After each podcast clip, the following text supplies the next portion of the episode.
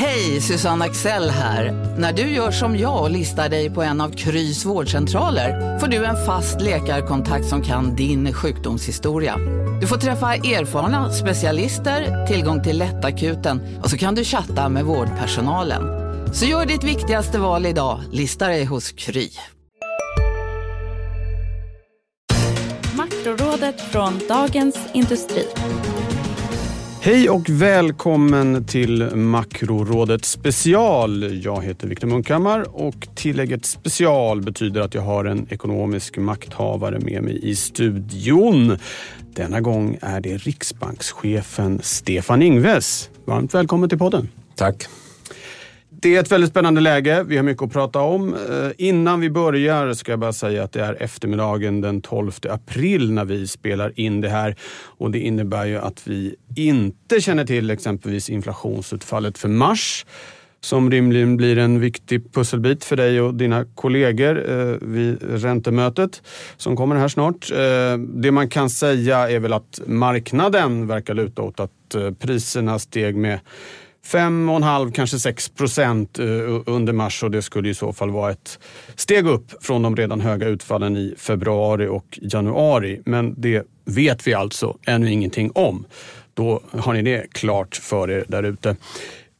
Jag tänkte så här, eh, som en liksom bottenplatta till alltihop. Eh, om du skulle gå igenom hur du ser på det ekonomiska läget just nu. Det är ju väldigt många lösa delar eller vad man ska, ska kalla det. Men eh, ordet är ditt. Hur, hur ser du på saker och ting? Ja, det har gått väldigt bra för svensk ekonomi när det gäller att hantera återhämtningen ifrån eh, pandemin. Och när jag pratar pandemi så pratar jag naturligtvis om det i en ekonomisk, eh, ekonomisk mening. Och på det sättet så är vi ju tillbaks på ungefär gamla, den gamla tillväxtbanan.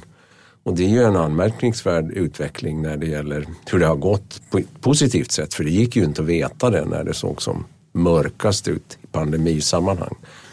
Men samtidigt så är det så att inflationen har blivit högre eller till och med mycket högre på många olika håll i världen.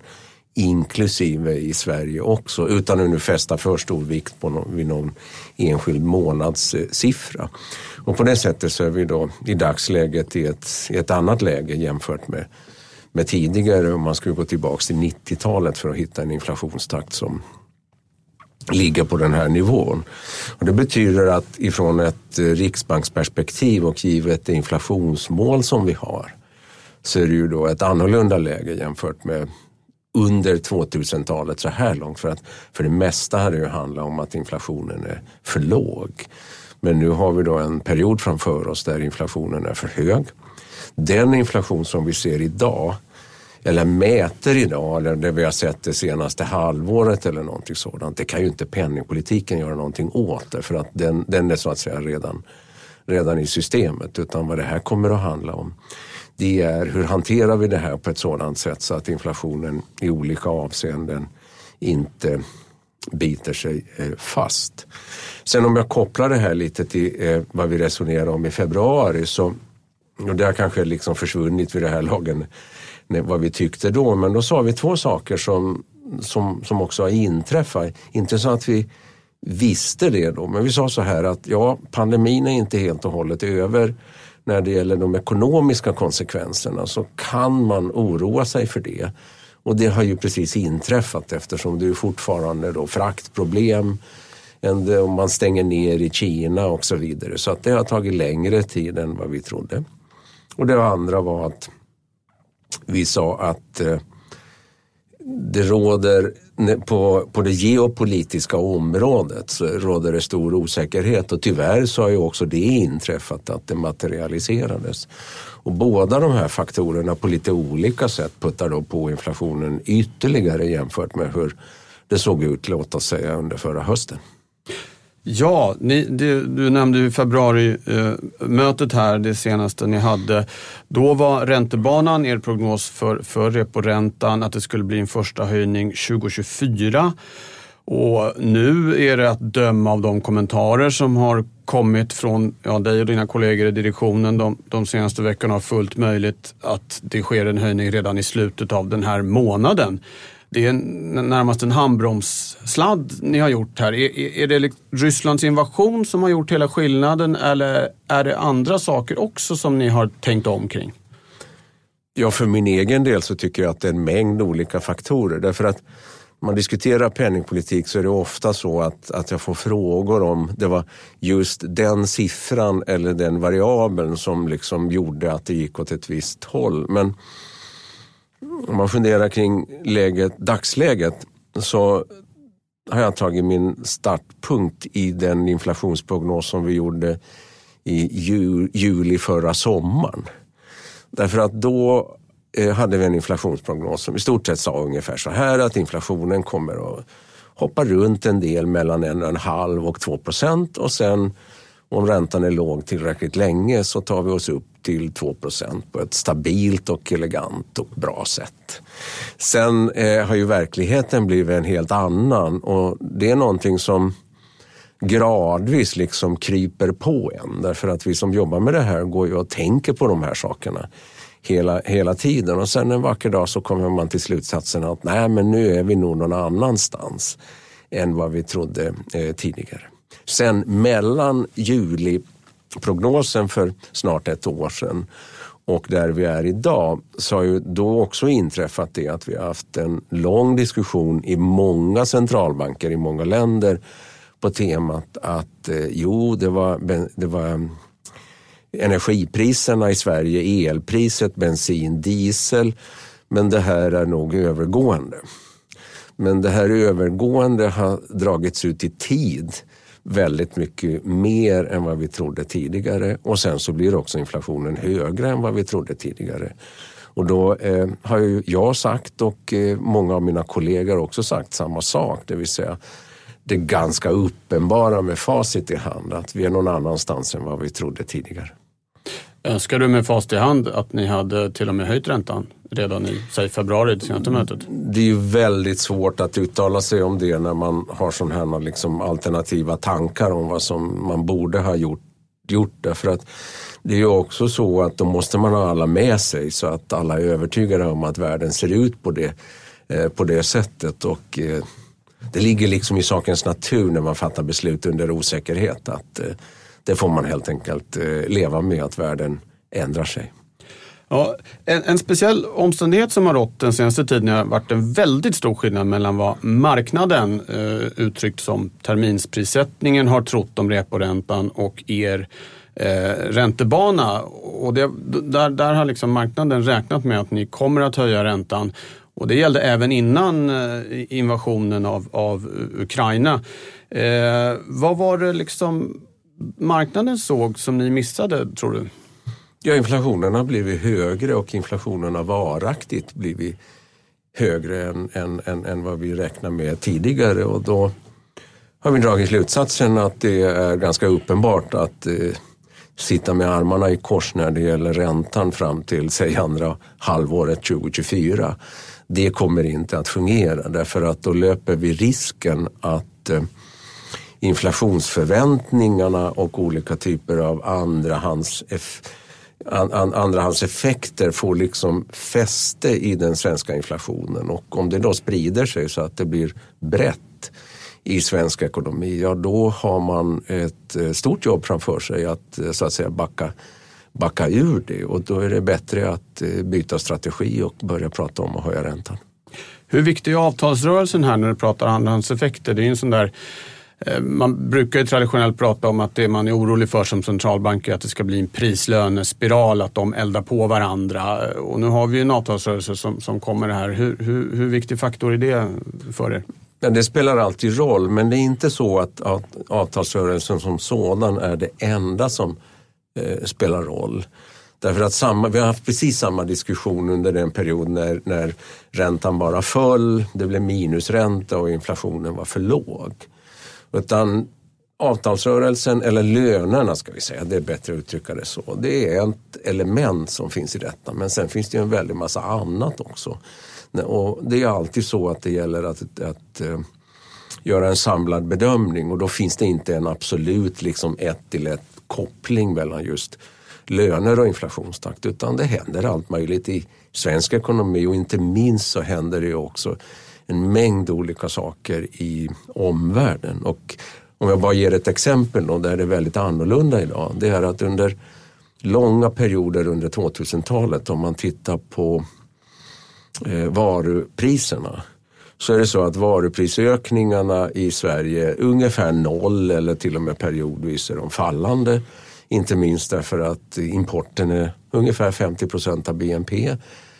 Och i dagsläget är det ju ett helt annat läge därför att idag är ju eh, också prisökningstakten när det gäller varupriser ordentligt liksom uppåt. Och i det avseendet är det då, ja, hur ska vi beskriva det? det det ekonomiska tillståndet är annorlunda idag jämfört med tidigare. Ja, eh, det är ju samtidigt inget drömläge för varken den svenska centralbanken eller andra. Många av de här krafterna som, som driver upp inflationen, du har varit inne på några av dem. Energi, utbudsproblem, nedstängningar i Kina. De här sanktionerna som är kopplade till, till invasionen, de har ju liksom en dubbel effekt. Dels driver de upp priserna på en massa saker livsmedel har vi inte ens pratat om. Eh, de har ju också en tillväxtdämpande effekt. De här eh, bristerna, osäkerhet, kanske mindre investeringar än vi annars skulle ha fått. Så att ni sitter ju liksom lite i kläm där man ser att priserna stiger och man kan nog anta att tillväxten sjunker. Eh, det är ingen slump att googlingarna på stagflation har liksom rusat i, i höjden. Hur ser du på risken att ni liksom nu kommer höja räntan på väg in i en eh, konjunktursättning? Att några olika reflektioner då kring, eh, kring det. Det är ju lätt att vänja sig vid väldigt höga tillväxttal. Och inte minst då när vi liksom återgår eller tar oss ur pandemin så har vi en period här i Sverige och i många andra länder haft extremt höga tillväxttal.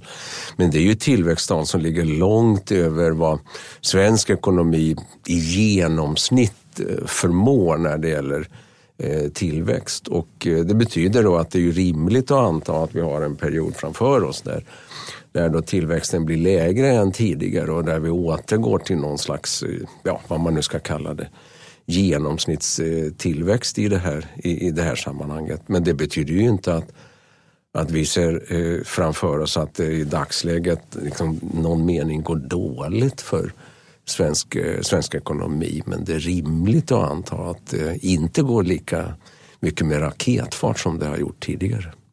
Men du är inte orolig för en recession? Nej, inte, inte vad jag kan se framför mig i, i dagsläget. Och jag kanske ska lägga till där att eh, eh samtidigt så är det så att eh, om man tänker på globala räntor så har vi ju Eh, en period här under ett antal år ordentligt negativa realräntor. Och i Sverige så mer eller mindre importerar vi en negativ realränta med fria kapitalrörelser. Och i den världen, även om penningpolitiken då blir lite mindre expansiv, så är det liksom ändå så att vi har en väldigt låg räntenivå både globalt sett och också i i Sverige helt oberoende av vad man nu då tycker och hur man resonerar om, om penningpolitiken i någorlunda närtid.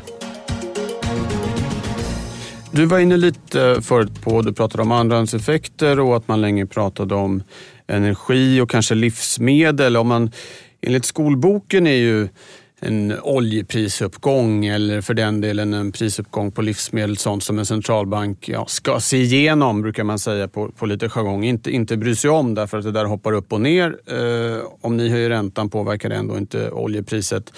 Däremot om det börjar uppstå såna här andrahandseffekter som du säger, att det sätter sig bredare i ekonomin. Då är det lite mera fara och färde. Uh, hur, hur, hur, starka tecken ser ni på det? Du nämner att ni, ni börjar tänka på det, men om du, liksom, hur, hur, hur mycket av det tycker du att vi, vi redan har, har sett? Jag tror det är viktigt att komma ihåg att det inte bara är utbudsfrågeställningar som vi pratar om. Om det sen är liksom transporter, oljepris, svårt med halvledare och, och, och sådant. Utan det är också så att många länder utöver Sverige har ju med sig en väldigt expansiv finanspolitik eh, och en, också en, en expansiv eh, penningpolitik. Och det innebär att man har ju lagt till en hel del på efterfrågesidan. Så att det är, grunden tror jag är en kombination av efterfrågesida och utbudssida i det här sammanhanget.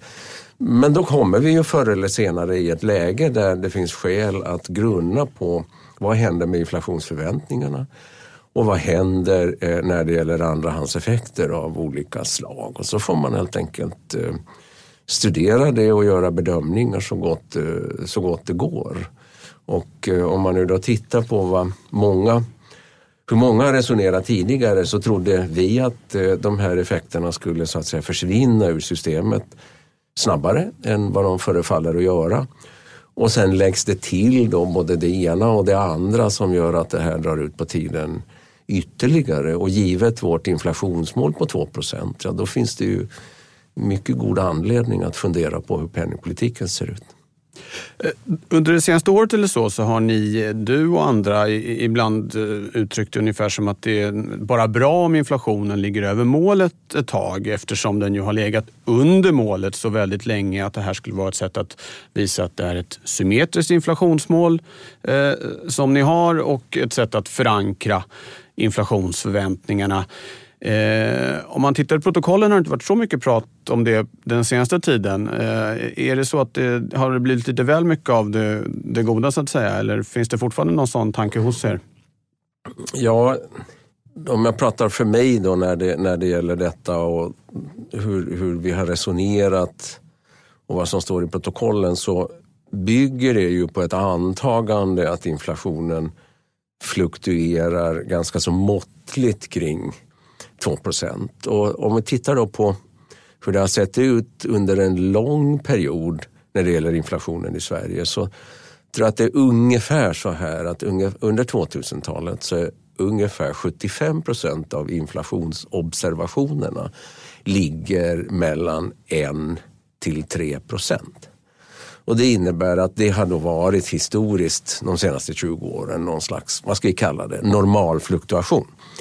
Och det är liksom sättet att då tänka kring det. Och om, om då en normal fluktuation fortsätter och man har haft en för låg inflation under en period, då är det ingen större bekymmer egentligen om inflationen då inom ett sånt intervall ligger lite, lite högre. Men det som nu har hänt är ganska så annorlunda om man tittar på inflationsserierna. Därför att när vi går in i pandemin, då bottnar inflationen, jag tror att det är ungefär minus 0,8, kring noll, lite, lite negativt. Det är bara i och för sig en observation. Men inflationen faller och blir väldigt låg. Och sen dess har då inflationen klättrat uppåt och eh, vi får väl se här de närmaste månaderna vilka siffror som liksom ramlar in.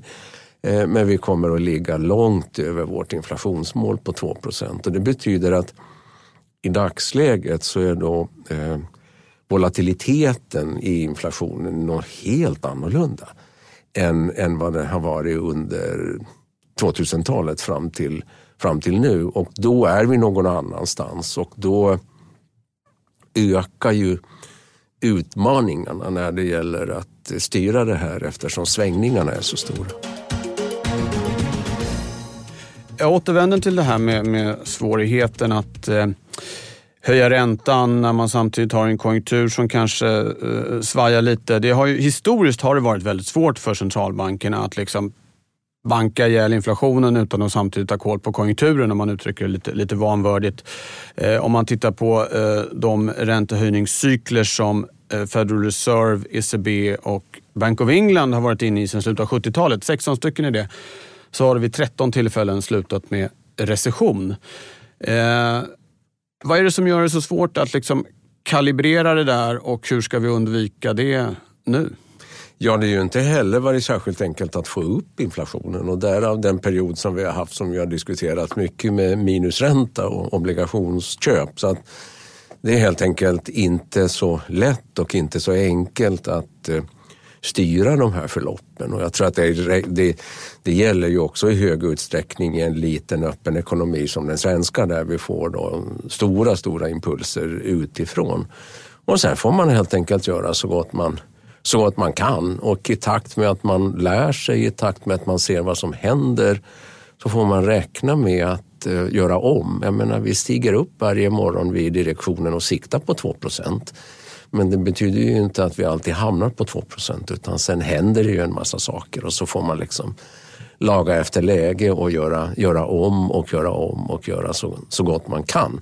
Men i ett längre tidsperspektiv, om man går hela vägen tillbaks till 94 så är det ju ändå så att det här har fungerat väl, även om det alltid är en livlig diskussion om räntesättning och inflation i närtid. Därför att eh, i genomsnitt under hela den här tidsperioden när vi hamnar någonstans lite under två. Och, och, det är ju en stabilitet som är helt annorlunda jämfört med hur vi hade det under fast växelkursperioden. Ja, ja. Du, du, du, nämner den här perioden som ni har varit i länge där, där inte bara ni utan andra centralbanker har fått ta till nya och nygamla verktyg och inte minst under pandemin så eh, har ju många centralbanker köpt obligationer eh, eh, av olika slag för väldigt stora belopp. 700 miljarder var ert program för mindre i relation till BNP än på många andra håll kan man väl tillägga. Nu har vi ett läge då när, när, när räntorna, alltså marknadsräntorna har stigit väldigt kraftigt och det innebär ju att värdet på obligationerna minskar. Eh, när centralbankerna drog igång sådana här eh, stödköp, eh, kvantitativa lättnader, så var det en, en, en kritik som framfördes att man drog på sig ganska mycket risk i balansräkningen. Hur, hur har liksom värdet utvecklats på den här portföljen? Ni är ju ingen ränteförvaltare som, som, som, som väl är. Ni har ett annat uppdrag, men ändå om man, om man tänker på den här portföljen ni har köpt på er. Hur, hur ser det ut med värdet? Mm, ja, vi har ju ett annat uppdrag och det tycker jag är väldigt viktigt att poängtera, poängtera det. Riksbanken är ju inte Eh, vinstmaximerare utan vårt, vårt jobb är att sköta penning, eh, penningvärdet. Men så här långt om man tänker på de obligationsköp som vi har gjort under, som är förknippade med pandemin. Eh, då har vi tjänat pengar på, på, på de innehaven så här långt. Om räntorna stiger då gör vi naturligtvis en förlust på det hela när man, när man, har, när man marknadsvärderar allting. Eh, men det är lite för tidigt att uttala sig vad som kommer ut av detta. Man behöver egentligen titta på det över en längre tidsperiod och då, då ska man nog också inkludera de statsobligationsköp som vi börjar med redan 2000, 2015. Eh, Så att man får helt enkelt räkna med att, att det här fluktuerar. Men låt mig lägga till en sak då. Det är att alternativet hade varit en minusränta på låt oss säga, det här är ett hypotetiskt resonemang, på minus fem. Eller någonting och inga obligationsköp alls. Och eh, det har inte funnits någon aptit att göra det samhällsexperimentet. Och samtidigt, särskilt under pandemin, så ville vi uppnå två saker samtidigt. Det ena var att verkligen se till så att räntorna hålls låga rakt över i Sverige. Och det, det har Eh, Eh, det har, eh, det, har fungerat. Men vi ville också se till så att eh, marknaderna fungerar och det har fungerat. Och sen har jag alltid eh, hävdat att när man sen eh, tar sig ur det här. Har du också valt att bli egen? Då är det viktigt att skaffa en bra företagsförsäkring. Hos oss är alla småföretag stora och inga frågor för små. Swedeas företagsförsäkring är anpassad för mindre företag och täcker även sånt som din hemförsäkring inte täcker. Gå in på swedea.se företag och jämför själv. Hej, Synoptik här. Hos oss får du hjälp med att ta hand om din ögonhälsa. Med vår synundersökning kan vi upptäcka både synförändringar och tecken på vanliga ögonsjukdomar. Boka tid på synoptik.se. I den bästa av världar, då gör man det vid en tidpunkt och på, en så, på ett sådant sätt så att de allra, allra flesta betraktar det som en icke-händelse. Därför att vi har ju inget intresse av att liksom stöka till så att säga för att komma ur, komma ur detta. Och eh, vi har goda erfarenheter av den här hanteringen under den stora globala finanskrisen. Därför att då gjorde vi också allehanda saker. Balansräkningen växte och sen eh, så sakteliga krympte balansräkningen av sig själv utan några större konvulsioner. Och det, det, det är i varje fall min önskan också när det gäller de portföljer vi har idag. Ska man tolka det som att det ni strävar efter är att låta de här eh, obligationerna förfalla eh, och därmed försvinner ur balansräkningen snarare än att ni aktivt ska sälja dem?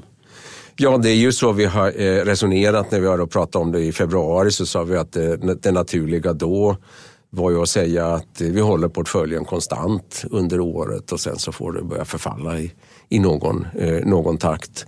Nu får vi se vad vi kommer fram till den, den här eh, gången. Men låt mig, låt mig lägga till där då, det här är en diskussion som vi hade som fanns redan 2015 när vi började köpa statsobligationer. Det är att det finns ju inte en liksom, teknisk absolut koppling mellan att sätta räntan och obligationsköp eller obligationsförfall eller försäljningar. Utan det här kan man liksom välja att göra i vilken ordning som man i den ordning som man finner lämpligt. Ibland beskrivs det som att det finns någon slags given regel för hur det här ska, hur det här ska gå till. Utan, men så gör det ju, det gör det ju inte. En del andra centralbanker har ju satt upp så att säga, ett tänkt schema för sig mm. i vilken ordning de ska göra det. Men där har ju ni full...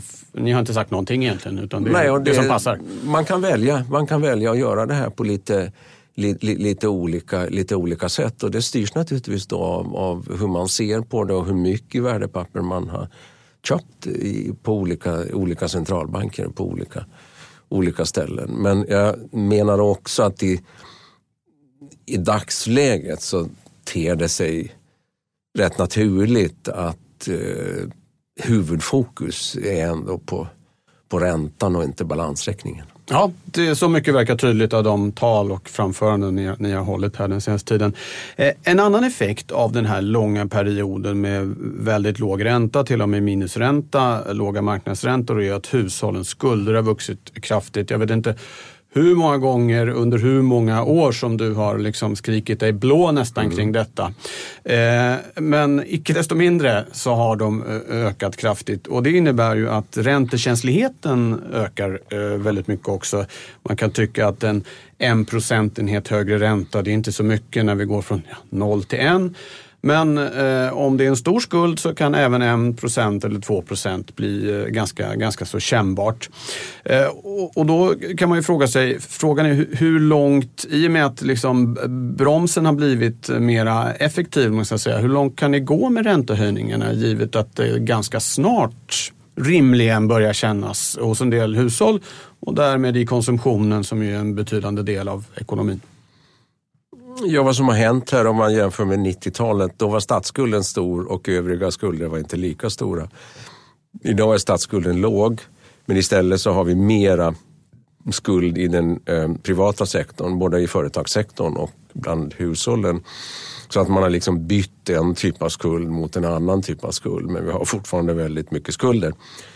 Och sen är räntorna låga och då är det inte konstigt att, att skulderna växer för det har varit billigt att låna och många långa perioder är också avsikten varit att det ska vara billigt att låna. Men det betyder naturligtvis att då har man med sig så att säga i ryggsäcken i T plus 1, T plus 2 och in i framtiden en större skuld och det innebär att du har, har eh, företagssektorn och inte minst framförallt hushållen en större räntekänslighet förmod, en, en, förmodligen än vad de någonsin har haft. Och Det betyder då att, att, när räntorna stiger så slår det rakt in i plånboken på väldigt många människor.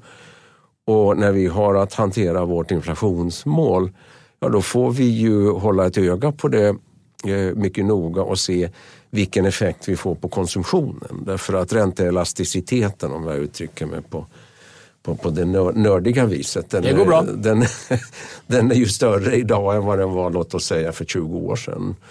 Och det betyder då att eh, penningpolitikens genomslag idag är förmodligen ganska stort jämfört med, säg, tidigare, tidigare då.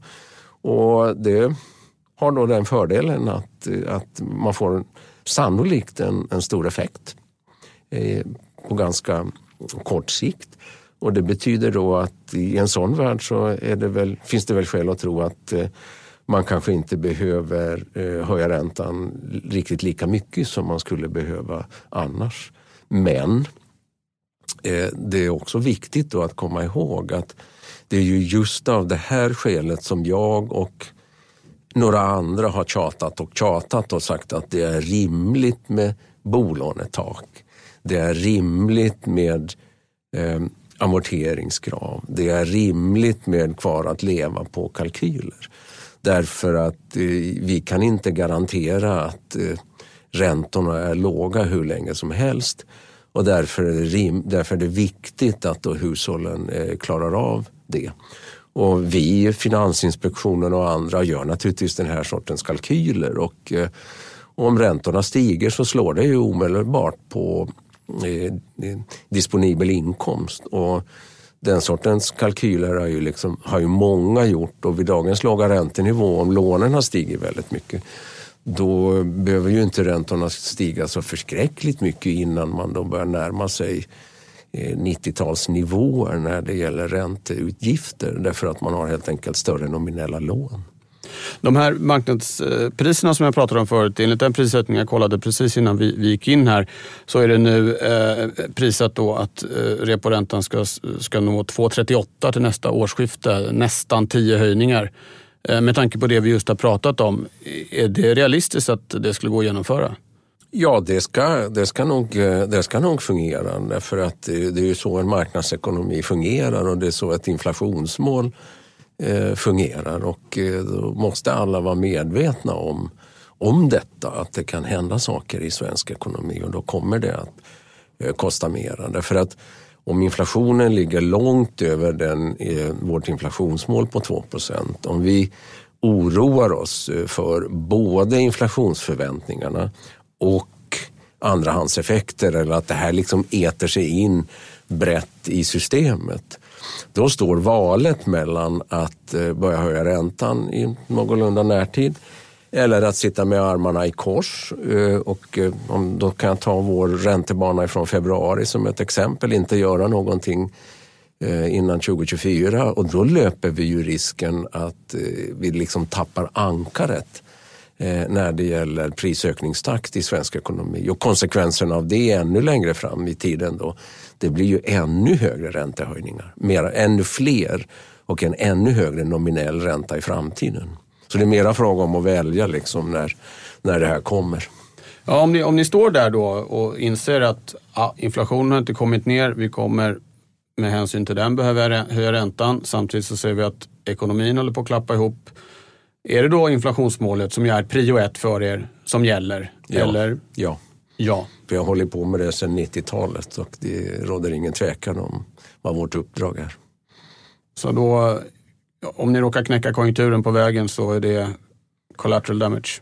Ja, det, är ju, man kan ju, det finns ju ingen gratis lunch när det gäller ekonomi eller ekonomiska frågor utan någon kostnad någonstans i systemet lär ju Eh, lär ju, eh, lär, lär, ju finnas. Men vi strävar ju ingen som helst strävan att, efter att, som du uttrycker det då, liksom skapa eh, mycket collateral damage utan, utan tvärtom är ju målsättningen att göra det här på ett sådant sätt så att, så att vi inte förstör konjunkturen och ändå ser till så att vi tar inflationen tillbaks till vårt inflationsmål på 2% Sen är det naturligtvis en väldigt grannlaga balans att försöka åstadkomma det så gott det går.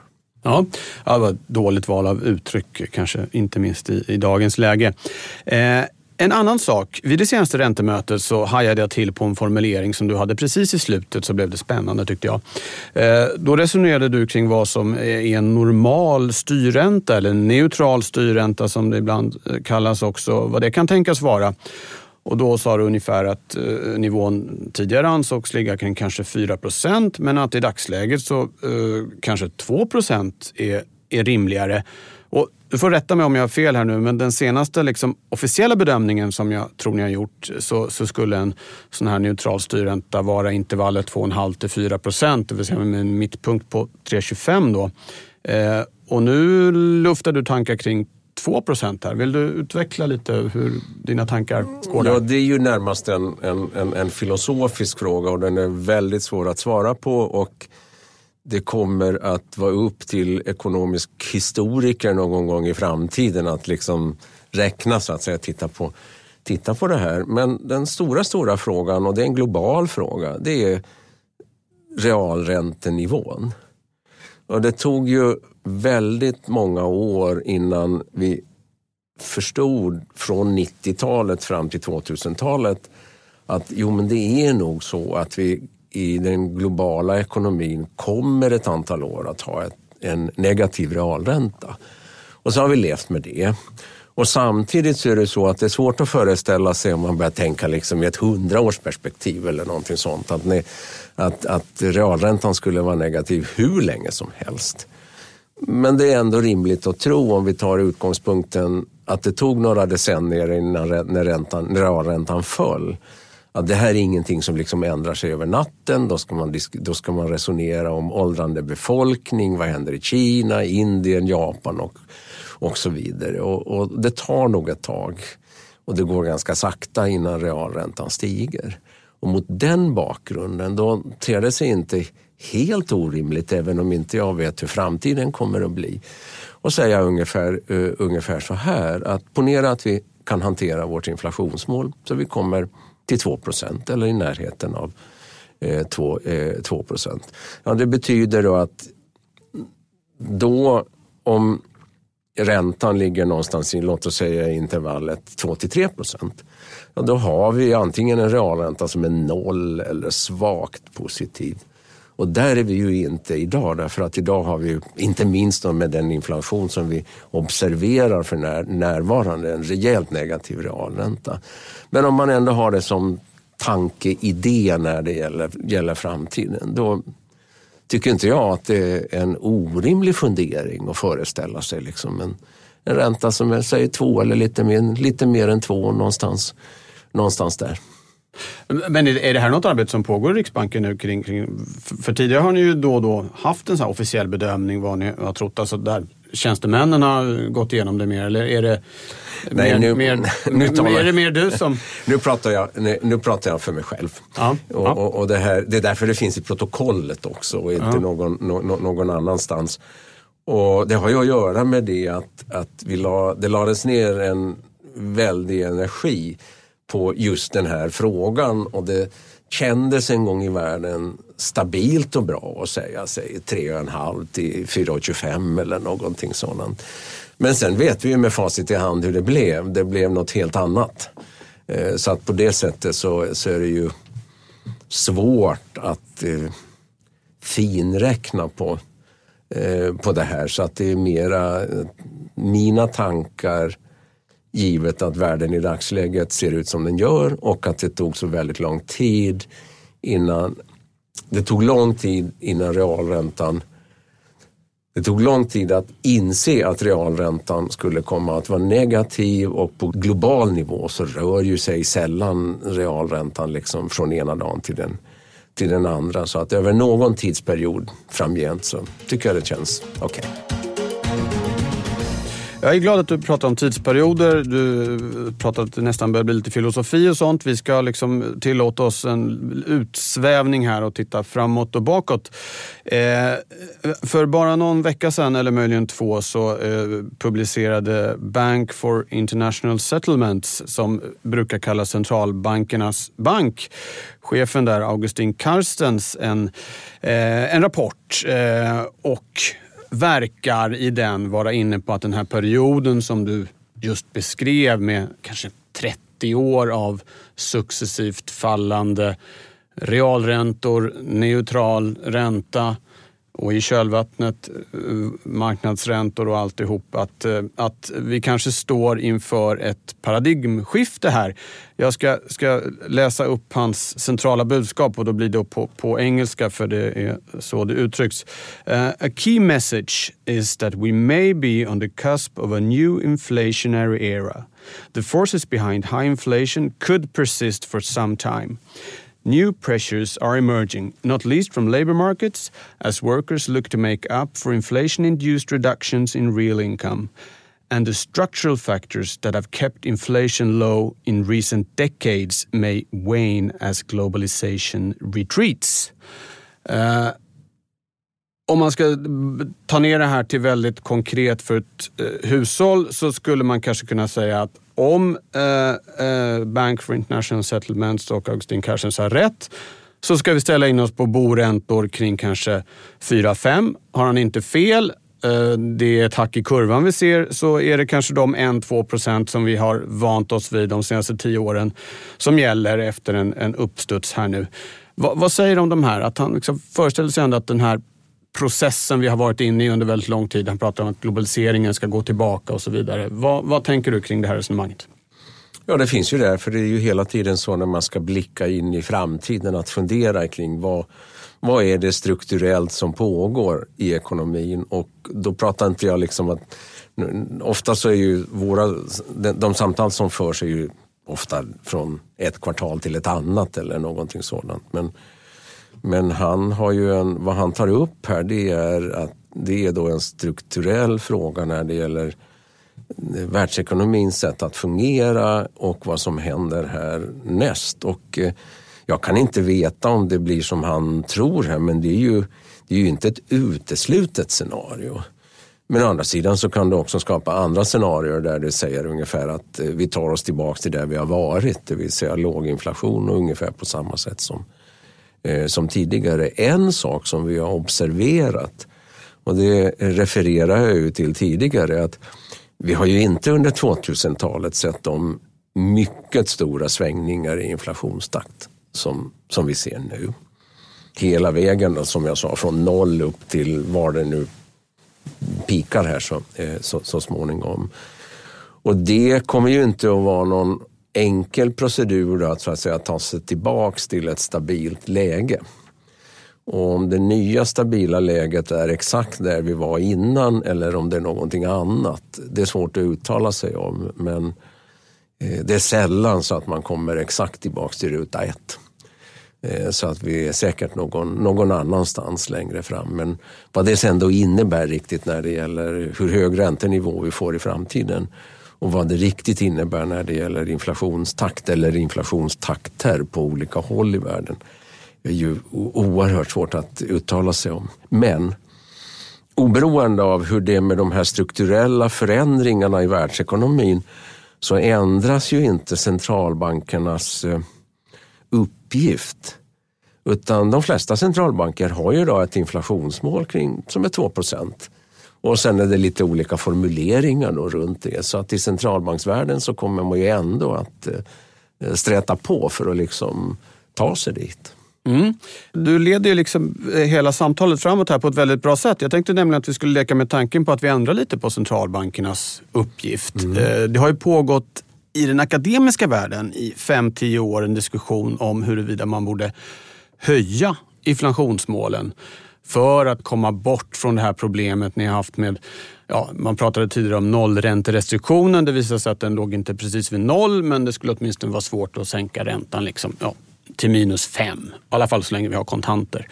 Eh, och nu är vi då i ett läge där inflationen är hög i de, i de flesta länder och eh, där man skulle kunna så att säga, passa på att höja målen. Jag tror att det var Lars Calmfors som skrev om det här för en, ett, ett, ett, ett tag sedan. Men eh, nu kanske vi står inför ett läge där den här diskussionen som man liksom har legat och puttrat, och framförallt i akademin, att man skulle ta och höja inflationsmålen till sig 4 procent. Hur, hur, hur ser du på det? Jag gissar att det är inget ni liksom beslutar här nu under våren. Det finns mera, mera brådskande problem än så. Men, men eh, när vi ändå tillåter oss utsvävningar så... Eh, jag är lite bekymrad själv för den, eh, för den frågan därför att jag var ju med på 90-talet när vi försökte etablera inflationsmålet. Och det är lätt att man underskattar vilken långsiktig investering det är att övertyga en ett helt land om att inflationsmålet är 2 procent. Och börjar man skruva runt i det där, då kan man lätt tappa fotfästet. Eh, därför att det är, no, eh, det är säkert liksom ett decenniums prat innan man övertygar alla om vilket inflationsmål man har. Så att man ska vara mycket, mycket försiktig att, att, att röra i, i det. Och sen oroar jag mig för styrförmågan kring inflationsmålet om man har ett mycket högre inflationsmål. Jag tycker, nu har inte jag studerat det här liksom i en, i en så att säga, empirisk akademisk mening, men jag har ju varit med under mina år på IMF i ett antal länder där man å ena sidan etablerar ett inflationsmål, men där inflationstakten är väldigt hög. Och då brukar det gå till så här ungefär, att man säger att jo, men 2% är nog ganska lagom. Men vi, har inte en, vi tar oss liksom inte till 2% i första taget därför att idag ligger vi på, säg någonstans mellan 10 och 15. Och så bestämmer man sig för 4, 5 eller 6 istället och så under någon tidsperiod så försöker man ta sig dit. Och sen så tänker man att när man har kommit så långt då liksom justerar vi ner det här till, till två och så blir, blir det bra sen. Men jag tycker det är väldigt svårt att bedöma fluktuationerna kring ett högre inflationsmål. Jag tror helt enkelt det är svårt. Svårare att styra in inflationen till låt oss säga 5 procent jämfört med eh, 2 procent och, och liksom kontrollera den då eh, om man föreställer sig liksom ett inflationsmålsintervall.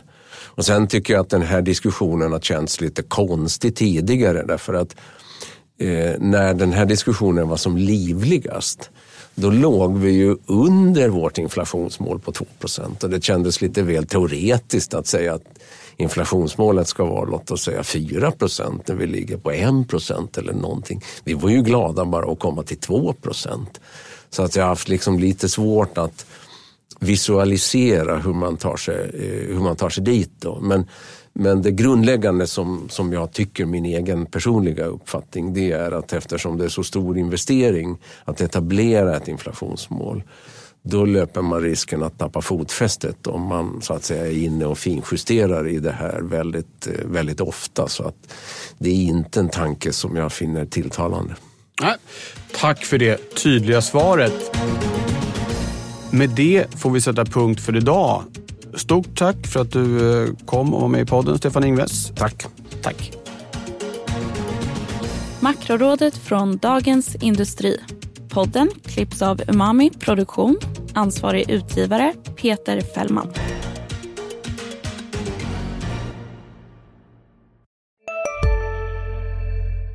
Välkommen till Maccafé på utvalda McDonalds restauranger med Baristakaffe till rimligt pris. Vad sägs om en latte eller cappuccino för bara 35 kronor? Alltid gjorda av våra utbildade baristor.